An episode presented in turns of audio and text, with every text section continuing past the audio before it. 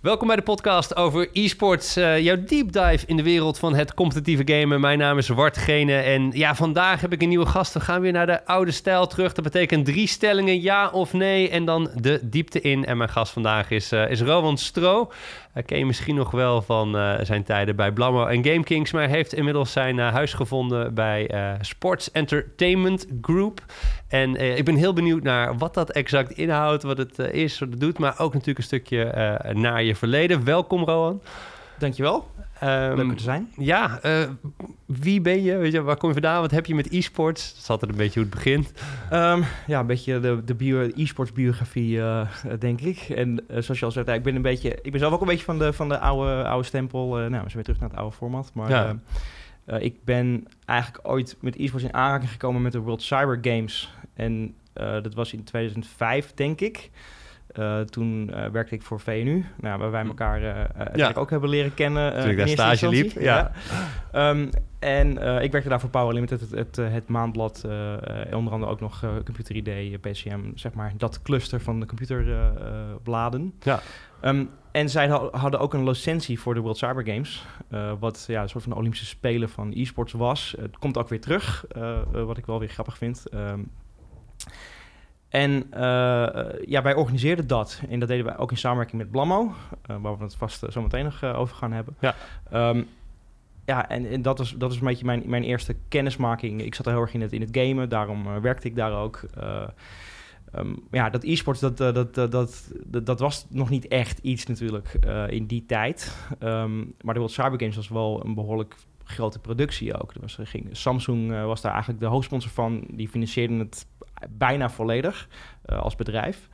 Um, over de hele wereld. En, en dat is eigenlijk mijn eerste aanraking geweest met, uh, met e-sports. En in 2006 uh, hebben we dat toen heel tof georganiseerd samen met Blammo. En ja, vanaf dat moment ben ik ook uh, bij Blammo betrokken geraakt. Omdat zij dat ook ja, veel meer evenementen zelf wilden gaan doen. Dus toen ben ik in de evenementen gegaan. Ja. E-sports events of gewoon gaming events of andere events. Ja, dat, dat heb je gedaan? Het, het, ging mij... Het, ja, ik, ik vond het evenementenwereldje ook heel tof. Dus toen ben ik dat gaan doen. Um, maar uh, ja, dat heb ik tien jaar gedaan. En, en na die tien jaar uh, wilde ik ook eigenlijk weer terug... een beetje naar die, naar die eerste liefde, zoals ik nu uh, meestal vaak zeg. En dat is toch wel e-sports geweest. Ik vond het gewoon heel gaaf, die wereld met...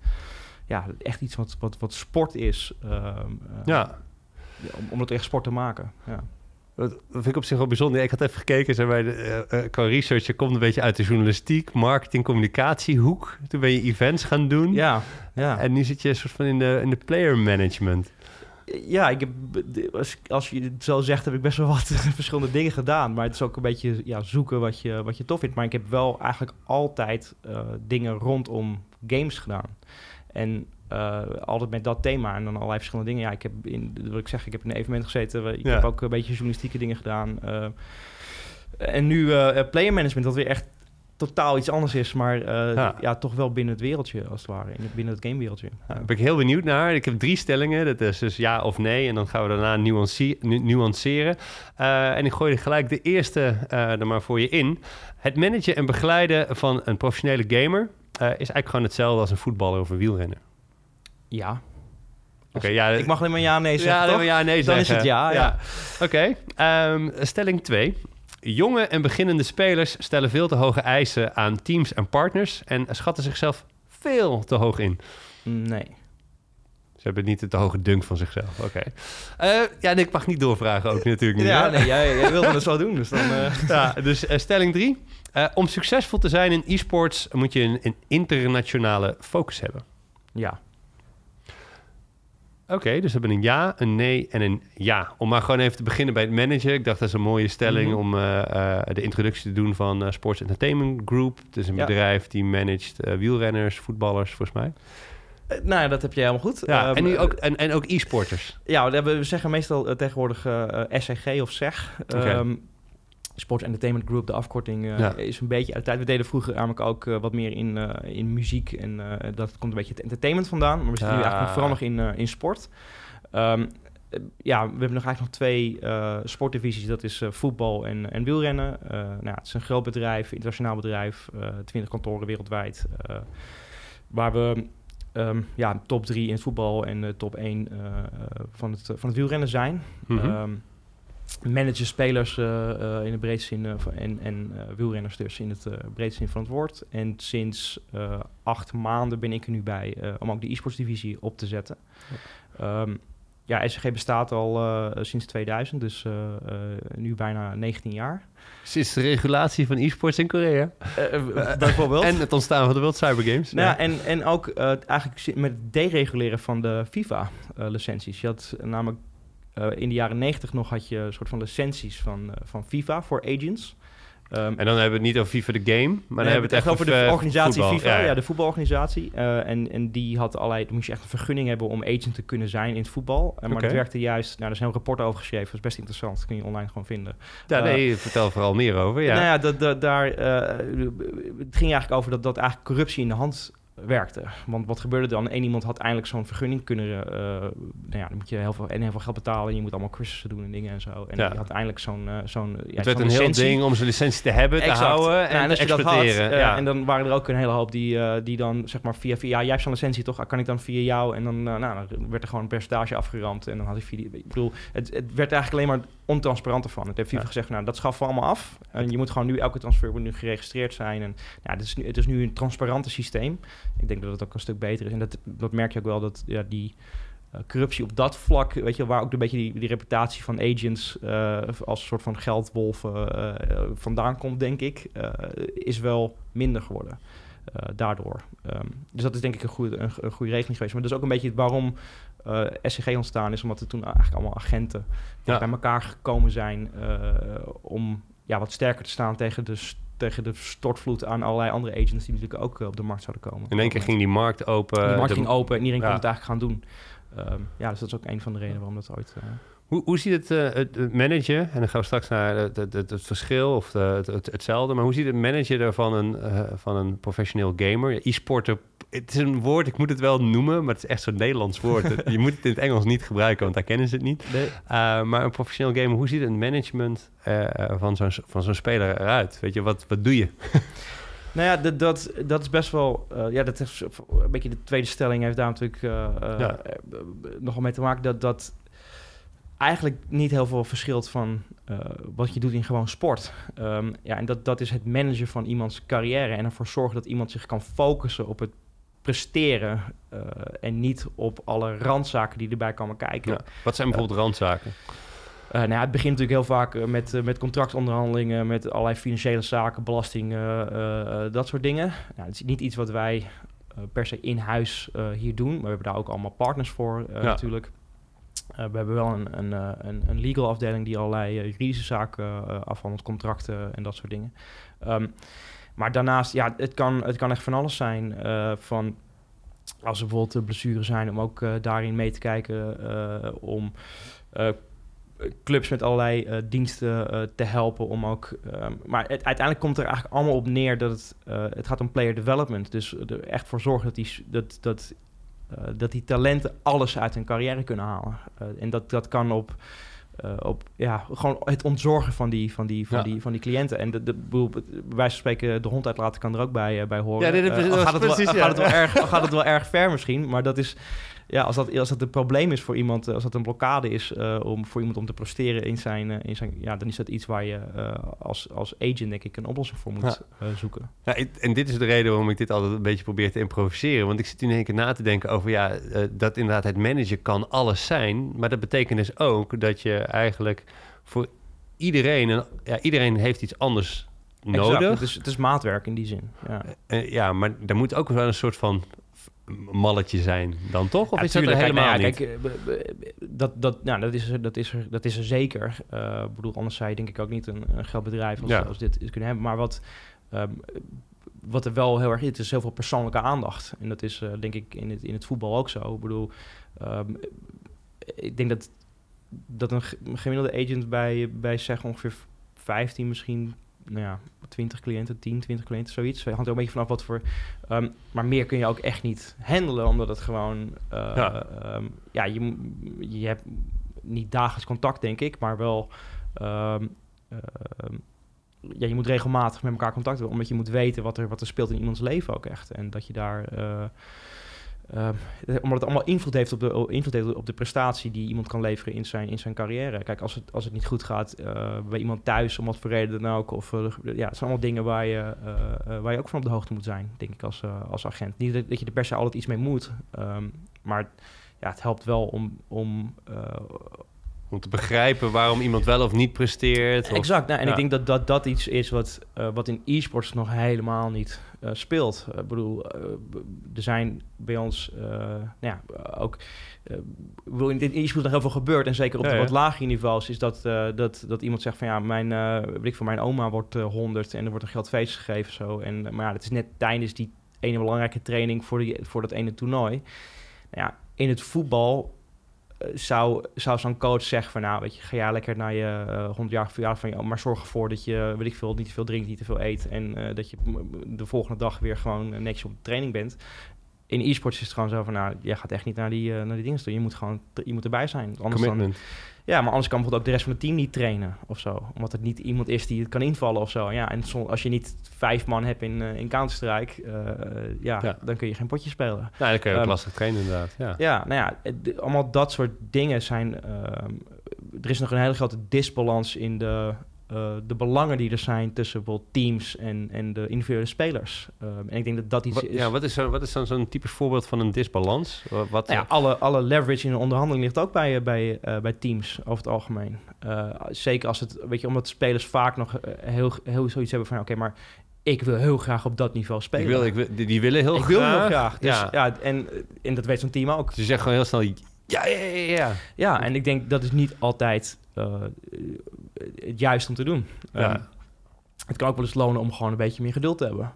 Uh, of, uh, en niet zozeer dat dan, dat dan uh, of zelfs gewoon nee te verkopen aan, aan zo'n team. Omdat het misschien niet het juiste team is voor jou in die, dat moment voor jouw carrière. Als, ja. dat, is, dat, dat zie je ook vaak in, in de gewone sport. En ik, en ik kan constant die parallellen, parallellen trekken tussen gewone sport en e-sports. Omdat voor mij zijn er heel veel dingen die daarin hetzelfde zijn. Als jij, als jij een jonge speler hebt die op uh, 16-jarige leeftijd naar Barcelona gaat, ja, daar een keer een slechte wedstrijd speelt en daardoor compleet in de war raakt, helemaal gedemotiveerd of bedoel, omdat alle stress gewoon te veel wordt. Want het is gewoon heel erg stressvol om in een groot stadion te spelen. Of dat nou voor uh, 15.000 man in, uh, in een, in een stadion als dat in Keulen is... of in nou ja, Katowice bijvoorbeeld. Ja. Of dat je in Bernabeu voor een vijandig Real Madrid, Madrid publiek speelt.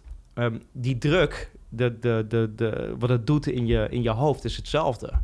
Uh, dat is niet anders voor een e-sporter als voor een, als voor een voetballer. Uh, nee, natuurlijk zijn er nuanceverschillen in, maar uh, ja, in feite is, de, is dat wel hetzelfde. En ik denk dat dat soort dingen, ja, je moet niet een, een, een 16-jarige die daar gewoon misschien nog niet aan toe is, op zo'n podium zetten als dat, ja, het kan zijn dat hij onder de druk bezwijkt.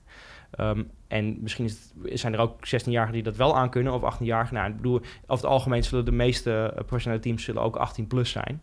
Um, ook om, zeker als het om Counter-Strike gaat of, uh, of andere uh, gewelddadige, ik maak eventjes ja, quotes, uh, nou, ja, ja, precies. Games, maar, ja, maar je mag bijvoorbeeld bij League of Legends, moest ook, Reckless moest ook wachten tot hij 18 was voordat hij uiteindelijk mocht uitkomen voor, voor Fnatic. Dus er zitten inderdaad wel, wel leeftijdsgrenzen in, maar ja, je kan nog wel steeds spelen of in een academy team zitten. Ja, tuurlijk. Of... En, en, maar ik denk dat het dus heel erg persoonlijk is hoe, hoe je ontwikkelt. Ja. Hoe je daar ontwikkelt. En ik denk bijvoorbeeld, dat, neem bijvoorbeeld iemand als, nou echt een ster speler, als, als Messi in het voetbal. Ik denk dat hij in het begin, zeker in het begin van zijn carrière, behoorlijk afgeschermd is van allerlei uh, media-aandacht en dingen. Omdat nou, hij is gewoon niet het type naar om. Bedoel, hij is niet een Ronaldo die um, nee. zichzelf graag ziet, zeg maar. Uh, om het even zo te formuleren. Ja, je hebt de excentriek en de intrinsiek, of niet de intrinsiek, exact. en. En, en, daar, moet je, daar moet je mee omgaan. En ik denk dat teams daar op een bepaalde manier mee om moeten gaan. Als agent moet je daar met, op een bepaalde manier mee omgaan. En ik denk dat het een rol van een agent is om een team uh, een soort van de handleiding van een, van een speler mee te geven. Ja. Um, en, en zeker op het allerhoogste niveau is dat, is dat, zijn dat dingen die gewoon belangrijk zijn. Ja. Ik ben zo nog wel even benieuwd naar zeg maar, de, de extra uh, spullen die je hebt zeg maar, vanuit die collega's uit wielrennen en voetballen waar je gebruik van kan maken. Maar ik kan me ook heel goed voorstellen, uh, dat is mijn eigen ervaring ook als ik zeg maar van uit sportmarketingbedrijven of andere voetbal slash sportbedrijven, als het dan in e-sport stappen. Er moet ook wel echt iets heel erg anders zijn of verschillend zijn aan e-sports, waardoor je als sportbedrijf misschien wel wat lastiger. Wat zijn nou echt wel verschillen die je heel goed moet begrijpen als sportbedrijf? om wel die stap in e-sports te kunnen maken. Want ik heb altijd verteld, je, je, moet, je moet niet zomaar doen. Of je moet wel een beetje weten waar je het over hebt. Je moet, je moet, dus er moet wel een verschil nou, zijn. ik denk dat zo, het allereerste wat je moet weten is dat e-sports een containerbegrip is. Dat, dat, dat het niet één bedoel, één ding is. Het is niet voetbal. Het is ook niet basketbal. Nee, het is sport. Ja. En eh, e-sports is misschien nog wel, zelfs nog wel breder dan dat. Maar als je, nou, weet ik veel, mobile games en dat soort dingen mm. ook, ik bedoel, het is best wel, uh, best wel breed geworden. Het is best wel verwaterd, het begrip. Toen wij het in, uh, zeg maar, begin deze, deze eeuw het erover hadden, ja. toen was het behoorlijk afgebakend als in, het was Counter-Strike, bij wijze van spreken. Of, en nu, nu kun je er allerlei andere vormen bij betrekken. En ik denk dat dat iets is wat ehm, je hebt ik heb bijvoorbeeld in de, in de beginperiode hier het eerste half jaar heel erg gefocust op Overwatch. Omdat het gewoon een hele gestructureerde, uh, of in ieder geval Blizzard heeft daar een bepaalde structuur aan gebracht voor de competitie. Uh, ja, die een bepaalde zekerheid met zich meebrengt. Ik, ik vind Blizzard heeft een. Uh, nou ja, ik bedoel, uh, nu de afgelopen tijd zijn er al heel veel mensen ontslagen uh, bij Activision Blizzard. En nou is, ja, wat, is, het, is het wat, uh, maar... ander verhaal, maar... Nou ja, ik vond, ik vond daarvoor, is, heeft, Blizzard heeft wel een, een, een, altijd wel geïnvesteerd in, in, in e-sports. Ik bedoel, StarCraft is er ook nog steeds, dus en ze zijn ook nog steeds support voor aan het leveren. Um, dus ik geloof heel erg in, in het ding Overwatch. En daarnaast is het bijvoorbeeld ook zo dat heel veel sportpartijen, die ook bijvoorbeeld in, in het voetbal of het nou, Amerikaanse sporten zitten, ook geïnvesteerd hebben natuurlijk met een franchise... In eh, Overwatch. In Overwatch League. Het, en, het voordeel daarvan is natuurlijk vroeger, of vroeger, dat, betekent dus een paar jaar geleden of vorig jaar. Uh, toen waren er nog geen franchises, dan waren er inderdaad geen vaste plekken. Nou, dit zijn mhm. dan wel toevallig vaste plekken, hè? dus macht. maar uh, vaste plekken waardoor je kon degraderen, je kon wegvallen, je kon spelers kwijtraken. Dus er was heel veel onzekerheid binnen de teams, waardoor de investeerders ook niet zo snel zeiden: Oké, dan ga ik investeren in dat team of in die game. Dus door inderdaad die structuur te brengen. Uh, en denk ik, wat heel goed is aan de Overwatch-opzet, of kijkcijfers, uh, en dat is een ander mhm. verhaal. Maar ze hebben inderdaad een hele stabiele, veilige, duidelijke uh, structuur gecreëerd om op in te stappen. Exact. En ik denk dat voor heel veel partijen, kijk, zeker voor een talentmanagement, uh, wat ons betreft, is een, is een lange termijn business. Je investeert in jonge talenten, ook als agent, maar dat, dat, kun je ook als club doen. Dat kun je, bedoel, om ze uiteindelijk op te leiden en uiteindelijk een soort van sterspelers te maken ja, en het allerhoogste uh, haalbare dus- te, laten presteren. Dus jouw doel is, ik doe Overwatch, dan heb ik spelers, die scout ik, die ga ik begeleiden en die wil ik dan in de Overwatch League hebben. Wat... Exact, ja. En, en um, wij we hebben er expres voor gekozen om, de, om, om te beginnen eigenlijk... In, ja, je hebt ook nog een Contenders, wat een soort van... Mm -hmm. door Blizzard uh, Te laag Je hebt Champions League en dit is de Europa League. Ja, ja. maar de tier 2 noem ik dat eventjes dan. Je hebt de Overwatch League is tier 1. Nou, dan in die tier 2, daar zijn we eigenlijk op zoek gegaan naar, oké, maar wie zijn er nou, uh, ja, wie, wie, wie gaan nou uh, naar Overwatch League en wie kunnen we helpen, wie kunnen net het setje geven om, om daar te komen. Nou, en, daar, en die, en, die mensen hebben we, hebben we gecontacteerd. Omdat ik denk dat ook dat het belangrijk is dat je, dat je aandacht kan besteden aan mensen en niet maar zoveel mogelijk cliënten verzamelt.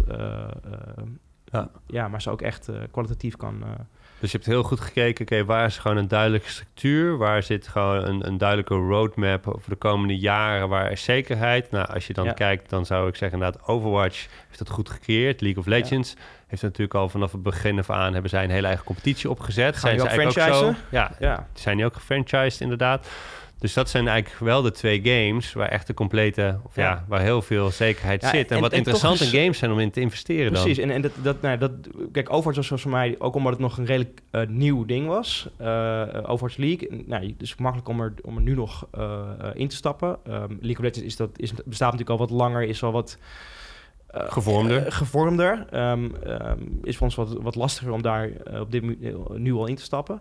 Um, en nou, wat ik ook interessant vond aan de Overwatch League... is dat er ook een soort van die, dat geografische component... Uh, waar ik eerst mijn vraagtekens bij had... maar wat ik nu heel erg van zie... van oké, maar mensen gaan echt achter een geografische locatie staan. Van oké, okay, maar daar kom ik vandaan. Daar... die gekoppeld zijn aan de stad, aan een land. Exact, ja. En ik denk, ik denk dat, dat dat ook een hele sli heel slim uh, geweest is van Blizzard om dat, om dat te doen en heel erg te forceren. Uh, um, en ik denk dat, dat de vruchten daarvan nu een beetje beginnen ehm, te komen dat mensen ook die niet zoveel misschien met de game Overwatch hebben, toch kunnen juichen voor een team wat waarvan zij denken van oké, maar dat is mijn team, omdat het het Londen team is of het Parijs team. Of nou ja, ja. Uh, wellicht dat er in de toekomst nog andere Europese teams komen. Um, um, ja, dat vind, ik, dat vind ik een interessant aspect ook van, uh, van Overwatch League. En daarnaast, ja, om, als jij tussen de nou, als het goed is, tussen de 20 en de 60 miljoen betaald uh, voor een Overwatch League franchise. Ja, er zijn nu 20 franchises. Uh, ik bedoel, het wordt een beetje too big, too veel. Als we nu als, het, als Blizzard dit nu uit zijn handen laat vallen, bij wijze van spreken. Ja. Um, en, en ze krijgen die viewership-nummers, want die moeten wel omhoog. Uh, ze hebben ook een hoop sponsors inmiddels. Um, dus da daar ligt het probleem allemaal niet. Maar de, de kijkcijfers moeten nog wel wat hoger, denk ik. Um, ja, als ze, dat, als ze dat kunnen fixen, en er is echt nog wel een, een behoorlijke uh, hap werk te doen. Maar ja. ik geloof dat ze dat kunnen.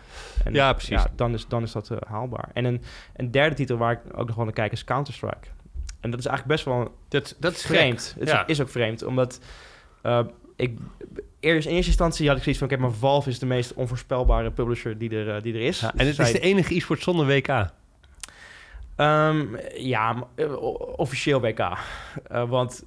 Um, omdat Valve het niet organiseert, uh, maar je hebt de, de major structuur die er ja, staat is natuurlijk... Je, je, kan denk ik Counter-Strike het beste vergelijken, bedenk me ineens, met, uh, met tennis. En tennis heeft ook niet echt een WK-feel. Daar gaat het om Wimbledon, Roland Garros, Me Melbourne exact. en New ja. York. Ja. Ik bedoel, dus dat, dat is niet per se nodig, denk ik. Is dat echt nodig om, om één wereldkampioen te kunnen... je hebt een, je hebt een world ranking in tennis. Nou, dat heb je ook. Je hebt een soort power ah, rankings ja. in Counter-Strike. Dus, en het is nu overduidelijk voor iedereen dat de Astralis het beste team ter wereld is als het in Counter-Strike aan, op uit Counter-Strike aankomt. Absoluut. Ja, dus dat, is, dat is overduidelijk. Daar heb je geen wereldkampioenschap voor nodig. Maar ze hebben gewoon vier majors in het jaar. Gewoon dat zijn het toernooi. Daar draait het om. Zoals het in tennis over Roland Garros gaat en, uh, nou ja, en, en, en wat ik, wat ik heel interessant vind aan Counter-Strike is... Um, Kijk, als je, als je gewoon kijkt, als je het helemaal uitvergroot, dan is dit allemaal entertainment. Sport, e-sports, Netflix kijken ook, allemaal entertainment. Maar ik bedoel, daar... Gevecht voor aandacht voor je daar tijd. Daar ja. je allemaal mee van. Dus is het entertaining,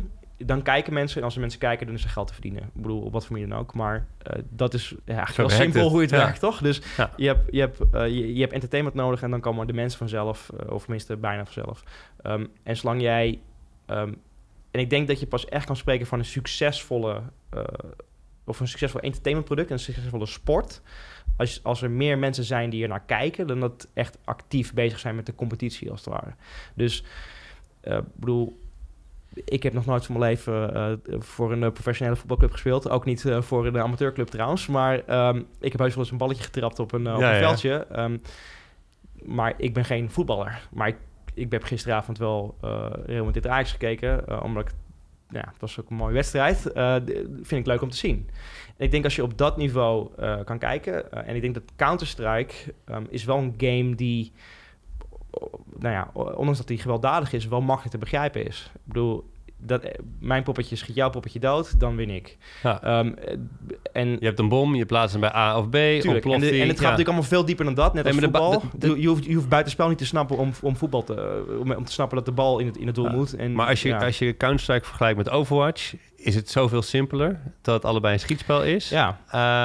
Um, en, nou, en dat maakt Counter-Strike wel een, een game die... Uh, die ook door, uh, door een, een, andere generatie uh, te volgen is. En uh, wat ik ook sterk vind aan Counter-Strike is dat... Um, we hebben al drie versies van Counter-Strike gehad inmiddels. Vier zelfs. ja, dit is de vierde versie dan, ja, ja, precies, ja, ja. Dus, um, en die hebben allemaal competitief meegedaan. En die community is elke keer gemigreerd van de een naar de, naar de volgende versie. Wat niet altijd zo, van spel, zo van, vanzelfsprekend is geweest. Maar dat is wel gebeurd. Um, en ik denk dat dat ook iets is uh, want dat is natuurlijk ook een groot probleem uh, in e-sports. Van oké, okay, um, Overwatch, hoe lang gaat die game mee? Uh, en dat, dat, ja, shelf life, of hoe je het ook wil noemen. Ik bedoel, mm -hmm. shelf is een beetje een outdated term, denk ik. Maar het idee daarvan is dat van ja, op een gegeven moment zijn mensen klaar met een game. Is, het, is de techniek achterhaald die die, die game draait? Of, of, of ja, is, zijn er games die, die bepaalde nieuwe techniek gebruiken, die de standaard wordt? Of um, Counter-Strike heeft dat eigenlijk allemaal overleefd. Als jij nu Counter-Strike 1.6 speelt, uh, dan zullen ja, heel veel mensen zeggen van... oké, okay, maar dat is, het is dezelfde game, maar het, het, het speelt toch niet helemaal uh, uh, zoals... Global Offensive dat ja, nu. Maar wat dan interessant is aan, aan, wat je zegt...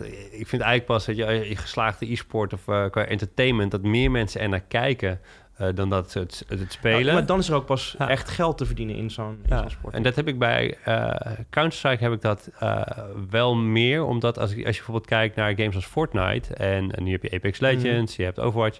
dan heb je heel veel mensen die het spelen... maar helemaal niks hebben met e-sports. Terwijl als ik denk aan Counter-Strike... wat al 20 jaar bestaat en al 20 jaar competitief gespeeld wordt... dan denk ik echt, zeg maar, de, de, de core van games als League of Legends... Dota en Counter-Strike, zeg maar de top drie... die is echt verweven met het competitieve deel. Dus het, je gaat niet zo heel snel Counter-Strike spelen als je zeg maar, je komt heel snel in aanraking met de wedstrijden, met, uh, met de scene, met uh, het, het, is geen even makkelijke instap game. Terwijl er heel veel mensen Fortnite spelen, maar nog nooit naar wedstrijd hebben nee, gekeken of niet geïnteresseerd dat, dat heel veel mensen uh, die nu Fortnite spelen omdat ze het leuk vinden, ja. um, als ze een klein beetje tijd investeren uh, in het leren kennen van het kijken van Counter-Strike, ja. het heel erg leuk gaan vinden om naar Counter-Strike te kijken.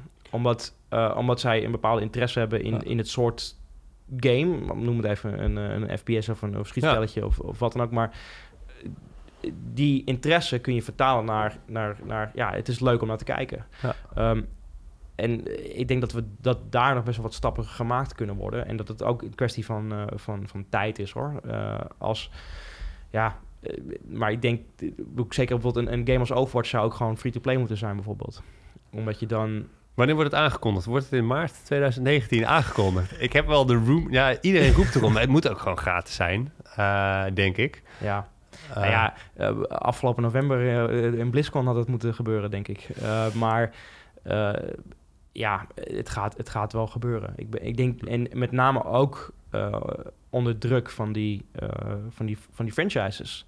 Um, nou, ik heb net al even een soort van nee, korte rekensom gemaakt als daar uh, nou, minimaal 400 miljoen dollar uh, in zit. Ja.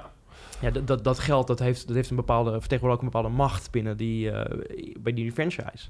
En ik denk dat zij hebben er alle baat bij om, om het free-to-play te, te maken. en zeker als het gaat, als, als een van de grote problemen is viewership. Ja. Ja, die, mensen willen toch die game even, even spelen, denk ik, om, om ook te begrijpen wat je ziet. En ik denk dat Overwatch is gewoon lastig uit te leggen op dit moment. Ja. Ik denk dat het, het leuke is aan, aan, uh, aan e-sports, stel je voor, je hebt inderdaad een game een tijdje gespeeld um, en dan doe je een tijdje niet en dan zie je weer een wedstrijd. Het gaat toch gekriebelen, maar je kan die wedstrijd heel goed kijken en heel goed volgen. Dus ik heb dat ge gemerkt, bijvoorbeeld Dota keek ik nog steeds heel veel, terwijl ik dat drie jaar niet gespeeld heb. Ja. heb. En dan uh, begin je vervolgens wel weer met spelen, omdat het gaat kriebelen of een vriend of je bent bij een evenement geweest. En dan kom je pas weer echt up-to-date in de nitty-gritty en, de, en, de, en, en zeg maar de echte details van hoe bepaalde helden en nieuwe helden werken. Maar je kan het wel nog steeds gewoon heel, heel goed kijken. Ja. En, en, en, daardoor blijf je wel een soort van uh, uh, bij de game. Dus het...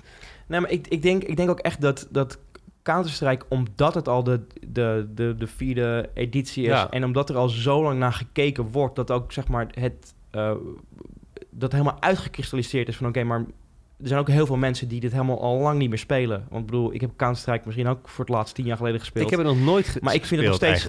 Nou ja, nee, ik, heb, nou, ik, speel, ik speel de Tactical Ops, dus dat is gewoon vergelijkbaar. gun game en zo ja, van die ja. mods, maar dat maakt niet uit. Ja. Maar dat, dat, het, het, het, punt is dat je... Dat, ja, dat, het is gewoon heel erg leuk om te zien. En ik denk dat dat um, uiteindelijk wel echt een voorwaarde is uh, voor, voor het slagen. Uh, en... Um, met Counter-Strike is het nu wel zo van... okay, maar het is echt iets wat, wat alleen maar kan groeien... zolang Valve dat ook toelaat. Want zij zijn in dit geval ook wel de echte onzekere factor. Ik denk dat als het aan de... Aan iedereen aan, bedoel, de spelers, de teams, de mm -hmm. de organisator... Als, als het aan hen ligt, uh, dan, uh, dan gaat dit alleen maar groeien en groeien. Um, het enige ik, probleem is, het is een schietspel, het is bloed, het is geweld... en daar is de mainstream nog niet klaar voor. Terwijl, nee. wat ik heel interessant vond... en dat wil ik graag doen naar de volgende stelling... Um, ik zag allemaal foto's van Katowice op LinkedIn en, en video's. Tuurlijk, ja. Van uh, Nederlandse bedrijfsmensen die waren naar Katowice gegaan, die vonden het interessant en die gingen delen van dit is niets anders dan een uh, uh, sportevenement. En iedereen was helemaal hyped. Of en, dat, alsof dat zo verbazingwekkend is. Nee, ja, okay, precies. Ja, wij weten dit al heel lang. Maar dat was niet wat mij fascineerde. En dat je dat straks, zeg maar, met de LEC, de League of Legends finales en Ahoy, Canada en Nederland, je, dat is ook een tweede. Wat ik vooral interessant vond, is dat iedereen compleet uit zijn plaat ging over het feit dat je ze die beleving hadden. Maar dat niemand zich volgens mij realiseerde dat het een Counter-Strike-event was met, zeg maar, headshots, uh, geweld, terroristen ja. en counterterroristen. Dat dit de game is die deze beleving creëert. En dat Mhm. het niet een FIFA of een weet ik veel wat is, zeg maar. Ja. Eh, helemaal, en dus de wow-factor.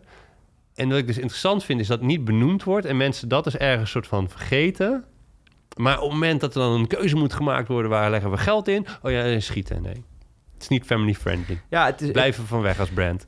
En, en eh, eh, ik bedoel, in dit evenement zou in Duitsland zou helemaal niet kunnen.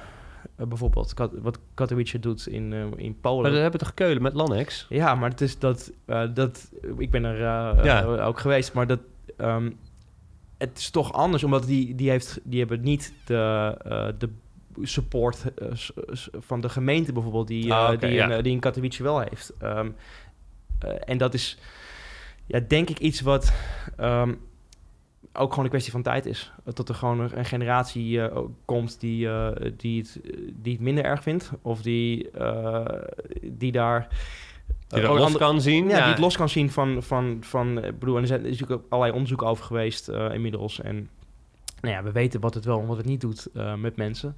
Ja. Ehm, en kijk, daarnaast, ik bedoel, het hoeft ook helemaal, er hoeft ook geen bloed in Counter-Strike. Ik bedoel, als het... eh, eh, Zit er bloed in? Nee, dat kun je toch volgens mij gewoon Kun je uitzetten? gewoon. Ja. Dus dat, eh, dat, dat, zie je ook niet in, Ja. de, in de meeste competities. Maar ja, dat er een... Ik bedoel, dat er een, een kogel is gewoon een hele makkelijke interactie in, in games. Ik bedoel, het, het is nogal een, een game die, die draait om, eh, om een goede conversatie of uh, weet je wel, die, Nee, die is nog niet ontwikkeld. Ja. Maar het is, dat- het, het, ja. het is, maar wat het ook is, schieten is gewoon, ja, weet je, de Amerikaanse cultuur zit helemaal in. Eh, je, daar is gewoon, moet een pistool bij kunnen hebben. Überhaupt, ja. En het hele idee van terroristen, het is allemaal heel, het, is allemaal heel herkenbaar. En dat, maar daar gaat het niet om. Het is voornamelijk het strategische element van die game. Je hebt zoveel verschillende schietspellen gehad. Maar Ja. de strategische basis eh, van de game, dat is wat het, wat het maakt. Nee, je zou ook het, over het gewelddadige van schaken kun je ook... ik bedoel, er zit ook een gewe- gewelddadig principe- element in. Dus in principe oorlog voeren, ja. Ja, bedoel, ja. En dat, dat is natuurlijk maar net, ja, van, ik denk dat het bepaalde, wat jij je zegt, perspectief. Ik denk dat je als je 40 plus gaat, en dan moet je heel erg uitleggen verslaving en geweld. Dat is echt een ding. Ja. dat je 40 min gaat, dat je die discussies een stuk minder hebt. Maar dat de beslissers en bedrijven nu gewoon niet de context hebben, tenzij dat ze kinderen hebben die hiermee eh, Mhm. in aanraking zijn gekomen. Maar dat ze gewoon niet de context hebben ehm, en, en, en het de, de, de framework, zeg maar, in, in hun hoofd, ja. om hier op deze manier over na te kunnen denken. Eh, ik, nou ja, daar ben ik met je eens. het is gewoon een hele andere, ja, het is een generatieding, denk Ja. ik. Ehm, nou, de tweede stelling was, eh, jonge en beginnende spelers stellen veel te hoge eisen eh, aan teams en partners en schatten zichzelf te hoog in. Mhm. Waar dat een beetje vandaan komt is, en dan kijk ik gewoon even naar de Benelux, eh, is het teamhoppen. Eh, oh, deze partij zegt dat ik dit krijg, dus we weet je, verlaten dat team, we gaan daar naartoe. Of ik vind dat ik 2.000, 3.000 euro per maand moet krijgen. Ehm, je, gewoon gasten die zichzelf iets te Mhm. hoog hebben, he- hebben zitten. Ehm, heb ik eerder in de podcast ook gezegd. Ik heb het idee dat sommige spelers in Nederland eh, en teams eh, zichzelf heel erg in de weg zitten, waardoor stabiliteit ontbreekt. En Nou Maar ik, ik heb daar... jij nee? ik, nee, dat is niet zo. Nou, ik, Ja. ik, ik, vind, ik vind van niet. Mhm. Eh, en eigenlijk om twee redenen. En ik bedoel, ik wil daar soms ook nog een beetje nuance bij brengen. Maar ehm, eerst is, de- is denk ik ook dat, dat spelers op heel veel vlakken ondergewaardeerd zijn. Ik bedoel, want zonder die spelers wordt er geen prestatie geleverd. En dat, nou ja, dat geldt voor elke sport. Ik bedoel, zonder is er gewoon niks. Ik bedoel, Mhm.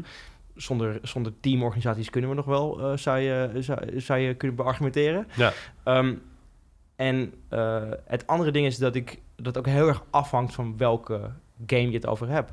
Ehm, om weer niet te generaliseren in e-sports. Ja. Er is gewoon een verschil tussen de cultuur die in Overwatch is... en die er in League of Legends is en die er in Counter-Strike is. Ja. Ehm, en het, het- ja, het is ook echt een ander type... eh, eh, er zijn andere types in. eh, en ik denk dat het ook heel persoonlijk is. Ehm, maar ik zou niet in het algemeen zeggen dat, dat, dat al die jonge spelers zich overwaarderen. Ik denk, denk zelfs dat, dat het ook heel vaak voorkomt dat, nou, wat, ik al, wat ik al zei, dat spelers zich eigenlijk ja, te goedkoop eh, Weggeven. eh, weggeven. Ja, want, want dat vond ik interessant. Natuurlijk, even eh, de context. Je bent, je- jij bent er voor de spelers. Mhm. Maar je gaf heel duidelijk aan, ja, eigenlijk hebben die teams heel veel macht. En die spelers die willen heel graag. En dat is een hele ongezonde dynamiek. Ehm, dus ik stel nu eigenlijk van, hey, die spelers die hebben zichzelf te hoog, hoog zitten. aan de andere kant zeg jij, die, die, die, die teams, hangt ook van welk team. Sommige teams kunnen we zonder. Wat is, ja, wat... Kijk, ik, ik snap heel goed waar het vandaan komt. Want je hebt helemaal gelijk. Kijk, in Nederland, op dit, op dit lo lokale niveau is het gewoon heel moeilijk voor teams om überhaupt iets van de grond te krijgen. En als dan ook nog spelers uh, uh, zeg maar alle budget uh, gaan op opslokken met salaris en dingen, ja, dan is dat, wordt het gewoon nog veel moeilijker. Um, maar het neemt niet weg dat als, als er spelers zijn die, die echt een goede prestatie leveren, dat daar ook gewoon een beloning tegenover hoort te staan. Zeker. Ja. En, en hoe zie je dat dan? Want um, wanneer levert een, zeg maar, een, een speler um, een goede prestatie? Want ik kan me voorstellen, je speelt met een team. Nou, laten we het even bij Overwatch Contenders houden. Mm -hmm. je wint Overwatch Contenders. Je wint de Europa League van, van League of Legends ja. als team. Um, wat heb ik daar dan aan als team, zeg maar? Ja. Zeg maar, hoe, hoe, hoe kun je dat vertalen ik denk dat, ik denk dat, ik denk dat nou, nu komen we wel tot iets wat, wat, wat misschien nog wel veel interessanter is ook, is dat um, zoals eh, wat Contenders is een heel goed voorbeeld. Hè? Dat sportieve prestatie. Die, je, hebt, je hebt, eh, nou, een beetje uitleggen. Je hebt Overwatch League, wat is met de franchise is. Die teams kunnen ook nooit degraderen of wat dan ook, want die zijn ingekocht. Dus nou ja, die blijven daar gewoon. Um, dan heb je Contenders, tier 2. En dat, daar heb je wel een soort van degradatiesysteem. Uh, systeem, want je hebt ook nog tier 3. En dat is Open Division. Nou, naam zegt het al, daar mag iedereen meedoen. Um, en in contenders zitten ook nog allerlei academy teams. En die zijn ook nog weer geleerd of, of vaak ook eigendom jong van... Ajax, jong PSV. Exact, van, van, de, van de grote Overwatch League teams. Um, en wat daar gebeurt is dat er eigenlijk uh, nog een, een, soort van splitsing gekomen is in die, in die contenders. Dat je, je hebt de academy teams, waar spelers een salaris krijgen en waar ze uh, coaches hebben begeleid. En nou, in sommige gevallen ook teamhuizen hebben en, en, en dat soort dingen. En je hebt eigenlijk de onafhankelijke uh, teams. Ja, en die moeten allemaal op een houtje bijten natuurlijk. Want um, er is geen publiek voor echt publiek voor contenders. Ik bedoel, Overwatch League heeft het al moeilijk met, uh, met viewership krijgen. Nou, dan moet je vooral uh, nog eventjes in de, in de keukenkampioen-divisie uh, komen kijken. Want ja, daar... Ja, daar heb je, daar heb je weinig veel... exposure. E exact, dus dan is het ook weer lastig om sponsoren te krijgen. Dus een aantal van die teams hebben dan het businessmodel van... Nou, wij leiden spelers op en die verkopen we dan aan Overwatch League teams. Nou, dat is ook iets wat niet, niet echt gebeurt... omdat er ook genoeg teams zijn die hun spelers gratis weggeven. Um, omdat ja, die dan weer door de spelers. Dus er is daar een soort van hele rare uh, dynamiek ontstaan, uh, waardoor eigenlijk mensen in, het, in, het, in, de, in, de, in de contenders divisie uh, allemaal of op een houtje bijten of wel content zijn in een academy team, waar ze wel een salaris krijgen. Maar um, dat wil je eigenlijk niet, want je wilt niet. Um, de ambitie moet zijn Overwatch League. Toch? Iedereen wil toch op het allerhoogste niveau spelen. Um, terwijl, ja, dat is een... Um, ik denk namelijk dat, dat, dat het gezonder zou zijn als, als in contenders uh, niet zoveel geld verdiend zou worden in bijvoorbeeld, in bijvoorbeeld academy teams. En dat uh, omdat je dan uh, ja, eerder de motivatie hebt om ook in Overwatch League terecht te komen, maar ook eerder bijvoorbeeld stopt en andere mensen de kans geeft die, die wellicht wel het niveau van Overwatch League aan kunnen. Um, nou, dat zijn. Eh, het is, het is, de, dat geld, die salaris, is best wel een. Um, op, dat, op dat tweede niveau, als en ik, en ik schaar heel veel partijen in Nederland daar ook even onder. Ja. Uh, als een soort van. Nou, Ajax is ook meer. Ik bedoel, een opleidingsteam natuurlijk voor, voor heel veel uh, van mm -hmm. de grote, grote jongens, zeg maar, die, die, echt, die echt het geld hebben. Nou, ik denk dat het in Nederland voor e-sportteams ja. eigenlijk ook de insteek zou moeten zijn. Um, maar wat ik net heb geprobeerd uit te leggen, is dat dat heel, dat het een heel moeilijk bestaan is. Omdat je, je kunt aan geen... Ik bedoel, je hebt geen, je hebt geen viewership. Uh, je komt dus lastig aan sponsoren. Uh, spelers stellen alsnog wel redelijk hoge eisen en terecht, denk ik. Um, ja, dus je, het is die, die, die tweede laag onder de, onder de alle toppen heeft het heel erg moeilijk om. Uh, dus het is een beetje. Dit, ja, nu, nu zit Ajax bij de laatste acht. Uh, in de Champions League. Ze weten dat ze volgend jaar zijn ze Frenkie, Frenkie de Jong kwijt. Misschien gaat Matthijs de Licht weg. Uh, dan ben je weer al je topspelers kwijt. Die gaan naar ja. uh, tier 1, zeg maar. Dan zit jij nog op tier 2 en dan moet je weer goede aanwas hebben. Ja, maar ik denk dat maar Ajax daar, zit... daar helemaal op ingericht is. Ja, en daar heb je ook een businessmodel in. Want als zij een speler verkopen, zeg maar de jeugdopleiding krijgt daar ook weer geld van. Dus ja, dat systeem dat, is dat, dat, hebben ze, dat hebben ze heel goed gestructureerd, denk ik. Dat er, dat, dat, okay, als er iemand niet... weggaat, dan moet er, ja. dat geld, dat gaat voor een geldgedeelte gewoon terug in de, in de jeugdopleiding. Want dat is de continuïteit van het bedrijven Ajax. Ja, of of, of de, de club die deze persoon in de jeugd heeft opgeleid en het voorwerk heeft gedaan. Ja, ik denk dat dat een heel, dat dat een heel goede structuur is, dat dat bestaat. Dat, ook, dat er ook amateursclub van mee profiteren als zo'n speler uiteindelijk... Uh, heb, je, heb je dat, want we hebben nu het over voetbal, maar hier heb je natuurlijk ook wielrennen uh, zitten. En dan wil ik niet zeggen dat...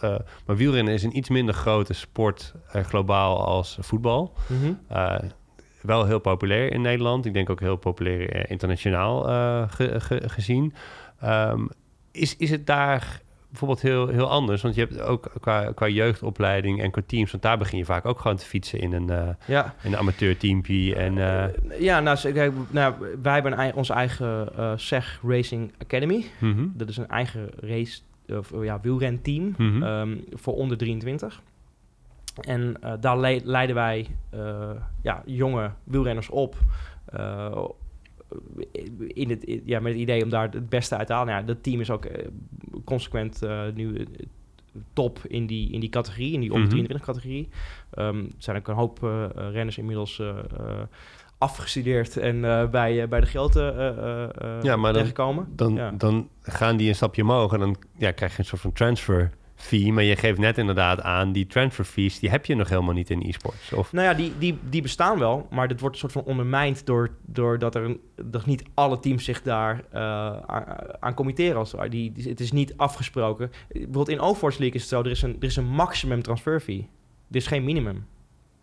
Dus als jij als, als je contenders uh, team, dus als, als tier 2 team, een, uh, een speler verkoopt aan een Overwatch League team, dan mag je maximaal um, het jaarsalaris, dus één jaarsalaris vragen als transfersfee, wat, die, mhm. wat die speler gaat verdienen. Dus als een speler, ja, het, en het minimum uh, salaris in Overwatch League is 50.000 uh, eh, dollar per jaar. Ja. Dus um, ja, als, als zo'n zo speler het minimum betaald gaat krijgen, dan mag je maximaal 50.000 dollar. Ja. Uh, maar dus eigenlijk, minimum. moet er gewoon minimum nul, nul is ook goed. Ja, maar dus ja, eigenlijk nou, moet er een minimum zijn. Exact, ja. nou, die, dat, dat, bedoel, en dat soort gesprekken probeer ik ook bijvoorbeeld met Blizzard te voeren. Van oké, maar waarom is er niet een minimum? Want dan, dan help je die tier 2 teams. Um, en ja, dat, dat, dat is er gewoon nog niet. Uh, inderdaad, en de tier 3. 3 en, want inderdaad, het, het grote geld, en dat zeg ik ook, weet je, mensen, e-sports geld, heel veel geld. Zeg maar, ja, het zit allemaal in de top 1%, en, en, en, en het vloeit niet naar beneden. geld is het gewoon niet. Nee. Weet je, bedoel, ja, het is heel veel geld voor e-sports, maar Tuurlijk. op, op de grote schaal van, van entertainment staat het allemaal nog niet zoveel voor. Nee, maar inderdaad, het, het, het, het, ik, ik, heb, ik heb hier nooit zo specifiek uh, bij stilgestaan. Dus ik vind dit een heel interessant, interessant punt. Want ja, inderdaad, uh, een, een, een max. Ja, bij voetbal heb je helemaal geen max en transfers. Maar nee, dat is niet waar hoor. Ik bedoel, je hebt daar, je hebt de, nou hangt er een beetje vanaf, maar tuurlijk, ja. je, het moet, uh, ja. heb je heb je wel regels voor. Uh, maar inderdaad, je hebt um, um, de, de, de, de max zeg maar van um, van dingen, maar dat er geen minimum is en dat dat een probleem is voor het ecosysteem dat er is en de grassroots, heb ik nooit zo bij stilgestaan. Het is trickle-down economy, ja. zo op zijn Amerikaans. Want het, het, werkt niet, want het blijft allemaal hangen. In, en, het, en het is logisch, want er, is, er worden heel veel investeringen gedaan in die, in die top one uh, teams. En ja. Um, nou, zoals ik al zei, uh, ik, ik, ben heel erg geïnteresseerd in player development, in jonge talenten en hoe, en hoe teams daarmee omgaan. Daar, daar praat ik heel veel over met, nou, met ook uh, heel veel van de, van de grotere ja. teams. Um, en ze zijn allemaal heel erg geïnteresseerd. Ze willen allemaal heel graag uh, daar iets mee doen. Ze willen ook helemaal gra heel graag een soort van academies en, en, en dingen. Maar ja, ik bedoel, we moeten ook nog hierin investeren en we moeten ook nog dat doen. En, en ja, ik begrijp het wel. Er is gewoon, dus is het wel interessant om daar ook ehm, ja, partnerships voor, voor aan te gaan. En, en, en eh, partijen zoals wij uh, hebben er ook gewoon belang bij dat die, dat die, dat die structuren er komen. Um, nou, ik denk dat iedereen er belang bij heeft dat die structuur er komt. Als je het dan inderdaad hebt over een, een Astralis. Wat interessant is, een Astralis is een team uh, die zelf... De, de, spelers zijn zelf eigenaar van het team. Ja. Uh, dat is heel uniek. Um, maar dat is heel gezond. Op dat hoog niveau. Ja, het is heel, heel gezond. Het is een hele andere, andere structuur. Maar inderdaad, als zo'n team, of uh, neem even Team Liquid uit Nederland, als zij dus een speler inderdaad uh, overnemen van een andere club, ja, dan mm. wil je daar inderdaad uh, als, als team zo min mogelijk voor betalen. Maar bij het voetbal is het inderdaad zo geregeld dat eigenlijk zo best wel respectvol naar iedereen je staat op de schouders van de mensen die hiervoor ja. zijn gegaan. Nou ja, kijk, maar je kunt je ook um, afvragen weer of er, als, een, als de spelers eigenaar, team, eigenaar, team-eigenaar zijn, Mhm. dat moet ik zeggen. Als de spelers dat zijn, ehm, zijn er dan ook nog eh, zeg maar situaties eh, die, die je kan bedenken eh, waar er eh, bepaalde belangenverstrengelingen eh, zijn, bijvoorbeeld? Ehm, nou ja, je schudt nee. Nee, ik, ik, ik, schud- nee, ik ben gewoon Nou ja. geïnteresseerd. Ik ben, gewoon, ik ben nu na aan denken van Nou ja, wat, wat zou het in denk- hemelsnaam kunnen zijn. Maar Ja, jij ik weet denk, het. ik, nou ja, ik, ik zeg niet dat, eh, dat, dat, bedoel, ik, eh, ik kan u niet meteen een voorbeeld noemen, maar ik kan me wel voorstellen dat er, dat er, eh, dat er belangen zijn die niet helemaal. bedoel, als, een, als, als er nu vier van die spelers, er zijn vijf spelers met elkaar aan. Mhm. Dus als er vier van die spelers zeggen van nou, weet je, die vijfde speler die willen we er eigenlijk wel uitbonjouren, ehm, dan eh, wordt dat eh, lastiger natuurlijk als je, als je allemaal eigenaar bent. Eh, maar het kan wel, want ik bedoel, Ja, zij nee. Ehm, nou, hij wordt bijvoorbeeld uitgebonjourd en dan heeft hij nog wel een stuk eigendom. Hij gaat bijvoorbeeld voor een ander team spelen. Ehm, kan hij dat dan? Weet je wel, mag dat dan? Dus dat allemaal, dat soort dingen maakt het ook wel weer complexer. En ik, ja, ik, ik bedoel, het zou ook zo wat zijn als uh, van spreken Ronaldo nog een stukje eigendom had van, van Real Madrid. Ik bedoel, ik weet niet of dat, eh, of dat. Ja, dat is ethisch gezien natuurlijk niet... niet Ja, het is een beetje, dat zou een beetje vreemd zijn, toch? Ja. En ik Nee, denk dat dat, dat, dat, dat, ja, ehm, dat dat soort dingen, daar zijn allemaal, waar, waar nog heel veel over nagedacht moet worden in e-sports, van welke structuur wil je? En ik denk dat het ook per game gaat verschillen. Dat, dat net als in het wielrennen werkt het weer heel anders dan in het voetbal. En zo gaat het met Overwatch ook heel anders zijn als met League of Legends en met Counter-Strike. Ja.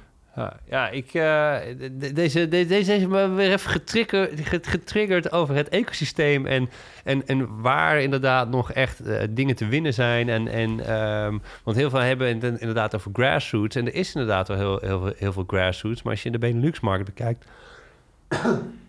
sorry, de, de Benelux-markt markt bekijkt, dan ehm, zijn de budgetten gewoon heel erg klein.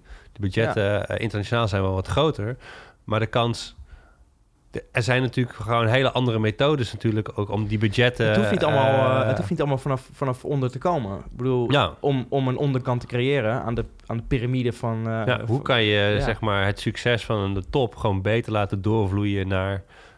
Ja, en ik, en kijk, het succes van de top. Ik bedoel, er is natuurlijk... Ik denk dat e-sports... eh, en dan heb ik het wel even over algemeen, niet over een specifieke game, maar e-sport in het algemeen behoorlijk topzwaar is geworden eh, door alle eh, Ja.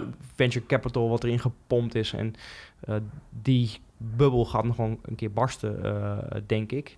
Maar dat is, ehm, dat is ook gezond. Ik bedoel, het neemt niet af van, ik bedoel, ik, ik geloof heel erg in, in dat het allemaal, ehm, allemaal goed komt uiteindelijk. Ja. Ehm, maar die, al die structuren, die zijn er gewoon nog niet. En ehm, wat ik heel erg probeer, en wat ik, zeker omdat ik nu dus heel erg eh, met collega's over ook over de sportstructuren praat. ehm, ja, heel veel daarvan is gewoon één op één toe te passen op e-sports. Ja. En, en ik merk nu ook in... eh de, de, Ja, ja, dat nee, jij- ik zit ook aan het denken, Ja. omdat, omdat het, het, zijn... Het is niet alsof we in e-sports het wiel aan het uitvinden zijn. Weet je, of dat zouden we niet moeten willen. Weet je, ik bedoel, het is... Het, de, heel veel dingen kun je gewoon lenen. Of kun je en een klein beetje aanpassen. En, Tuurlijk. eh, en- en het werkt. Dus waarom... ehm, ehm, ja, waarom het allemaal zelf proberen uit te zoeken, denk ik dan. Dat ik heb ik altijd een beetje vreemd gevonden in e-sports. Dat er een soort van, soort van mystiek, magisch Oh, dingetje omheen hangt. Van ja, weet je wel, we doen het in e-sports op een andere manier. En het is allemaal, maar zo Ja, zie ik het, het niet. het, het geeft wel een, natuurlijk een, een, een, de mogelijkheid om opnieuw te beginnen. En, en fouten die eh, zijn gemaakt in het verleden, of structuren die in het verleden Tuurlijk, die dan niet je werken, moet leren eh, van achterlaten. Ja. Eh, ik geloof ook heel erg dat innovatie altijd van buiten komt. Dus het is heel goed dat nieuwe ideeën die ergens anders al succesvol zijn, gewoon in e-sports ook, eh, Mhm. ook kunnen werken. Ehm, al denk ik wel dat.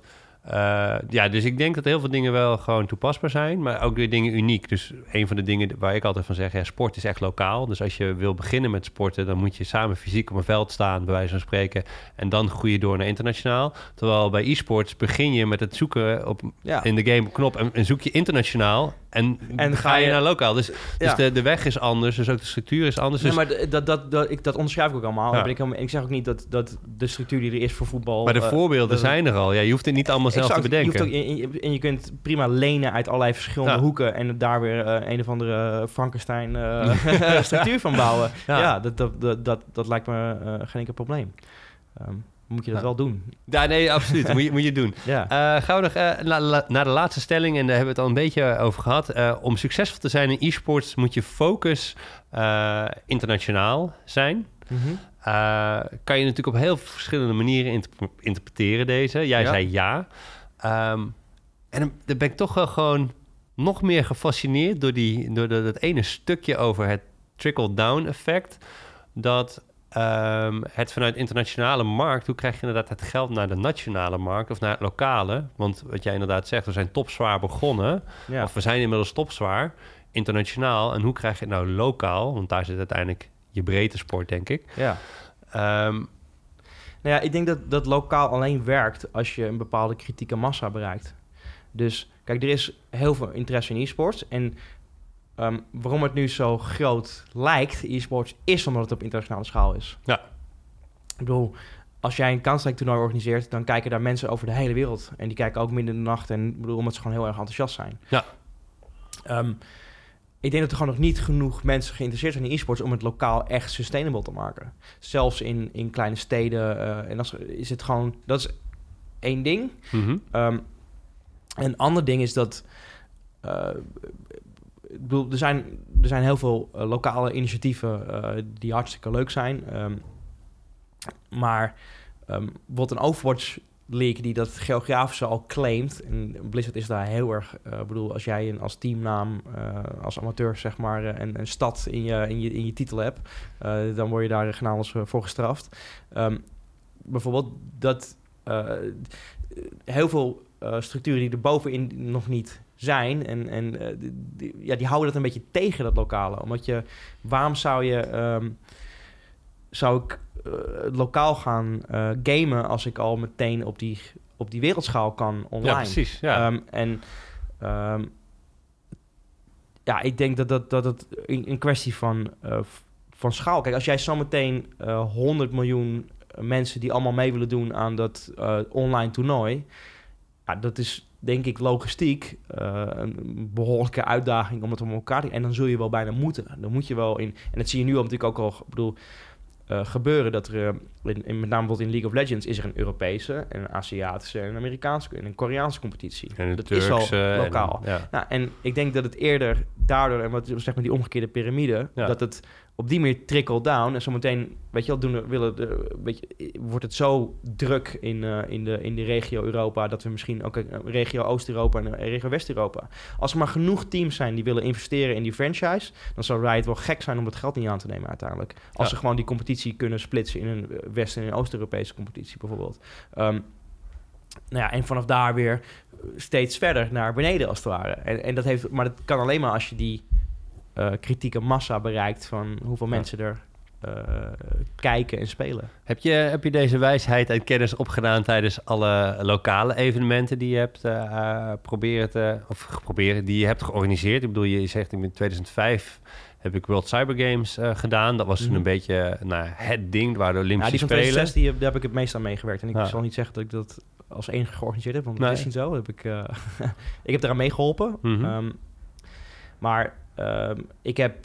Maar je hebt dingen... Je hebt, ik nou ja, doe even op. Je hebt Black Label Esports bij je bij betrokken geweest, denk ik. Ja. Battlecon, WSG qualifiers, voetbalprimeur, NK, uh, ja, ik heb, FIFA, ik heb, World, World Cyber Games. Mm. Allemaal dat soort, dat soort evenementen. Um, ik denk dat weinig mensen kunnen zeggen dat ze zoveel verschillende evenementen qua e-sports in Nederland door de jaren heen hebben ge, ja, ja bij betrokken dat, zijn geweest. Dat, uh, dat, uh, dat denk ik ook. um, maar uh, kijk, bijvoorbeeld een project als Black Label Esports... en dan heb ik even op Black Evil Masters... waar het mm -hmm. uiteindelijk op was een soort van grote finale... Um, die we tijdens First Look organiseerden... wat ook een evenement was van Blammo. Um, of is van Blammo. en die Black Label Esports Masters... Dat, ja, daar hebben we met Blammo best wel in geïnvesteerd. niet alleen met heel veel tijd en moeite, maar ook, uh, ook echt met, uh, met, met, geld. Ja. Um, en dat was ook een experiment om daar uh, ja, te kijken wat er, wat er gebeurde. Wij wilden, wij wilden heel graag dat e-sports in Nederland een, een wat groter podium kreeg. En wij, ja, ik bedoel, de mensen zijn daar, het moment is daar, want First Look draait om gaming en ja. e-sports is daar onderdeel van. We gaan het gewoon doen. Um, en ik, uiteindelijk denk ik dat we, ik bedoel, het is financieel, commercieel gezien uh, niet een geslaagd experiment geweest. Mm -hmm. um, ja, er waren niet uh, heel, veel, um, uh, heel veel bezoekers op afgekomen. Um, online keken er best wat mensen, maar nou ja, ook niet voldoende om het, om het commercieel interessant te, te maken en, om, en er nog een vervolg aan te geven. Daar heb ik wel een hoop van geleerd, ja. en met name ook over hoeveel um, hoe, hoe mensen bereid zijn uh, en waarvoor komen ze. En ik denk dat we met Black iets dat ik heel veel geëxperimenteerd hebben. We hadden dat uh, nou, op een bepaalde manier ingestoken. En ik weet dat jou, uh, ik kan jouw kritiek nog herinneren dat je het niet heel erg eens was met een soort van. ik heb ook blam, ja, vlammen die wij. ja, ja, natuurlijk. Die, maar dat, dat, staat hier los um, van. Het gaat, gaat me meer om wat heb je nee, maar geleerd. Wat ik daarvan ja. geleerd heb is dat. Is dat um, het, het lokaal en in Nederland gewoon heel erg moeilijk is. Vooral ook omdat, denk, omdat Nederlanders um, heel erg internationaal georiënteerd zijn überhaupt. Uh, zeker jonge Nederlands die, uh, die, die goed Engels spreken en uh, veel op internet zitten. Um, dat het lastig is om een avondvullende, avondvullend programma te maken met meerdere games. Mm -hmm. Dat het waarschijnlijk beter is om je te focussen op één bepaalde titel, één bepaalde game. Mm -hmm. En ik denk ook dat dat iets dat je na Black Label Esports, wat 2015 was uit mijn hoofd, denk ik, ja. 2015, ja. Ja, misschien kun jij het... Uh, nee, ik heb, ik heb, ik heb, ik heb niet bij. Misschien was het 2016, maar... Um, in de jaren daarna heb je ook gezien dat die, de, die, die majors kwamen met echt alleen Counter-Strike. Um, uh, met, dat het echt heel erg draaide. Steeds meer Blast Pro Series bijvoorbeeld, wat ik een heel, heel mooi voorbeeld vind. Die ja. echt wat een soort van avondvullende shows zijn, waar gewoon eigenlijk twee potjes gespeeld worden op een avond misschien. Um, of wat een finale, een best of five of iets dergelijks. Maar wat echt één show is waar een vol stadion. Um, ja, dat is wel een beetje uh, nou ja, de, de, de, het, lijkt, het leek een beetje op wat we probeerden te doen met Black Esports Masters, maar dan op een iets lokaal niveau. En ik denk dat het ja, zijn tijd uh, ver vooruit is uh, om het. Uh, om, ja, maar dat soort dingen ben ik natuurlijk ook allemaal bij betrokken geweest. Van dat soort evenementjes. En dan is het altijd heel interessant om te zien hoeveel kaarten verkoop je. Weet je, hoeveel moet je er gratis weggeven om mm uiteindelijk toch mensen uh, over de vloer te krijgen. Um, maar daarin is wel heel interessant dat de statistieken en zo, die je allemaal wel krijgt van, uh, van de grote bedrijven uh, op dat soort momenten, van hoeveel mm -hmm. mensen er vanuit Nederland kijken naar bijvoorbeeld een Katowice, die zijn allemaal wel hoog. Dus wordt vanuit Nederland wordt er wel heel veel e-sports, internationale e-sports content geconsumeerd. Maar als je dan vervolgens gaat kijken hoeveel mensen doen er mee aan een toernooi of uh, zijn, ja. zijn zelf actief um, en zijn bereid om inderdaad naar um, tier 3, tier 4 niveau. Om dan maar even ja. Dat ja, de keukenkampioenschappen te kijken. Of uh, de, ja. de, de, de, de, eredivisie te kijken. En ja, is het een stuk, stuk lager. Dus dat is, ja, ik wil niet zeggen dat het trekken is aan een dood paard. Maar dat, dat heeft nog heel veel ontwikkeling het, nodig het, voordat het überhaupt... Nou, als het ooit gaat gebeuren. Omdat ik denk gewoon... Ik denk terecht dat het ook gewoon een cultureel uh, ding is dat, dat Nederland zo internationaal gericht is. En uh, zeker die jonge generatie, dat het. Waarom zou je? Weet je, we, we zijn niet zo chauvinistisch als Fransen zijn. Of uh, dat, dat, dat, ja, ik bedoel. We spreken allemaal Engels. En als, jij, als je naar Frankrijk gaat, dan heb je daar een, bedoel, heel veel Franse, hele kleine, heel veel kleine toernooitjes, dingen die. Het is allemaal Franstalig. Het is allemaal echt gericht op het lokale publiek. En dat is in, in Nederland, als jij uh, dingen in Nederland doet. We vinden onszelf al snel, ja, weet je, dat rare Nederlands. En dan gaan ze die uh, e-sports termen ja. vertalen in het Nederlands. En, ja, maar ik denk ja. dat dat wel meevalt. Omdat nu heb je, vroeger had je dat ook. Dan had ik dat ook. Dus onze generatie heeft dat. Maar als je nu kijkt naar de influencers, zeg maar... Uh, de, de jongeren die zijn opgegroeid met, met, met YouTube, dat is mm. allemaal in het Nederlands. Dus uh, de, de, het mainstream entertainment is dat allemaal in Nederland. Uh, uh, boeken, films. Nee, ik, maar ik, da, da, daar ben ik niet helemaal met je eens. Ik, er, is, er is een grote mainstream Nederlandstalige, dat is er. Ja. Maar kom op, uh, weet ik veel, een, een Game of Thrones of een, uh, dat is toch allemaal nee, Engelstalige content? Tuurlijk, dat gaan we inderdaad niet, niet, niet dubben. Maar als ik kijk naar sportcontent, dat is zeker niet alles... Uh, maar er zijn wel bepaalde wielrenwedstrijden, darten, uh, Formule 1, zeg maar bepaalde uh, sporten die omarmd worden. Mm. Waar echt wel Nederlands commentaar bij hoort en bij, bij past. En waarbij een doelgroep het ook vervelend zou vinden als het in het Engels is. Dus de, de, ik denk dat er wel ergens een omslagpunt nou zit ja, om echt de massa te bereiken. Mm -hmm. Vinden mensen het toch, ook al kunnen ze Engels lezen, Engels verstaan, vinden ze het toch prettig om uh, die tafel te hebben. Uh, à la Voetbal Insight, waar het gewoon in het ja. Nederlands wordt ja, Maar ik denk dat... Uh, nou, dat ben ik wel met je eens. En het is... Het, ja, ik, ik kom toch terug op die soort van kritische massa. Er is gewoon niet genoeg mensen die dat, die dat willen en die, er, en die er in bed voor uitkomen. En die, nu nog niet, maar zie je dat wel in de toekomst? Of? Het zou kunnen, maar uh, ja, dan, dan moet er best wel wat gebeuren. En dan, en dan moet er op internationaal vlak... Nederland gaat mee met, die, met, dat, met dat internationale sentiment. En ik denk, uh, wat, wat, wat in Duitsland al uh, levensvatbaar is... Ja, dat kan in Nederland nog wel, uh, nog wel een tijdje duren... voordat we ook op dat niveau zijn. Um, en ja, dat... dat ik vind het moeilijk om te zeggen dat, dat wanneer dat punten gaat zijn en dan helemaal of het punten gaat zijn. ja, ik, ik weet het niet. Ja. moeilijk. Vind ik een, uh, vind ik een uh, interessant punt om een soort van een einde te gaan, gaan maken hieraan. maar ik wil nog één ding weten. En dat is, weet je, waar ga je de komende tijd mee, mee bezighouden? Waar, waar, kijk je echt naar uit nog? Um, nou ja, wat ik, wat ik heel erg leuk vind is dat we... Overwatch hebben we nu ook een aantal agenten die ook ex-spelers zijn... Um, die nou, goed de Overwatch scene kennen. Uh, nou, dat, dat staat nu een beetje. We hebben eh, daar nu um, uit mijn hoofd een zestal cliënten die, die we daar bedienen. Um, nou ja, dat gaan we natuurlijk uitbreiden. Maar wat mijn focus gaat zijn in de aankomende periode... is ook om dus die andere games... zoals een bijvoorbeeld een Counter-Strike of League of Legends... Om daar ook naar te gaan kijken en daar ook een aanwezigheid te gaan creëren. Dat, dat, dat is leuk. En 14 april ben ik er ook bij in, in Rotterdam Ahoy. Daar heb ik ook veel zin in, in de League of Legends finale. Ehm, ja, ik ben heel benieuwd wat dat gaat doen met de media. Want vorige keer hadden we natuurlijk Streets of Legends bij Umberto Tan. En dan zag je in één keer in ieder programma zat het. En het was heel bijzonder. Ik ben benieuwd mm wat het nu gaat doen en hoe het, hoe het, hoe het nou anders De vraag is natuurlijk, is het, is het nieuwtje er nu af?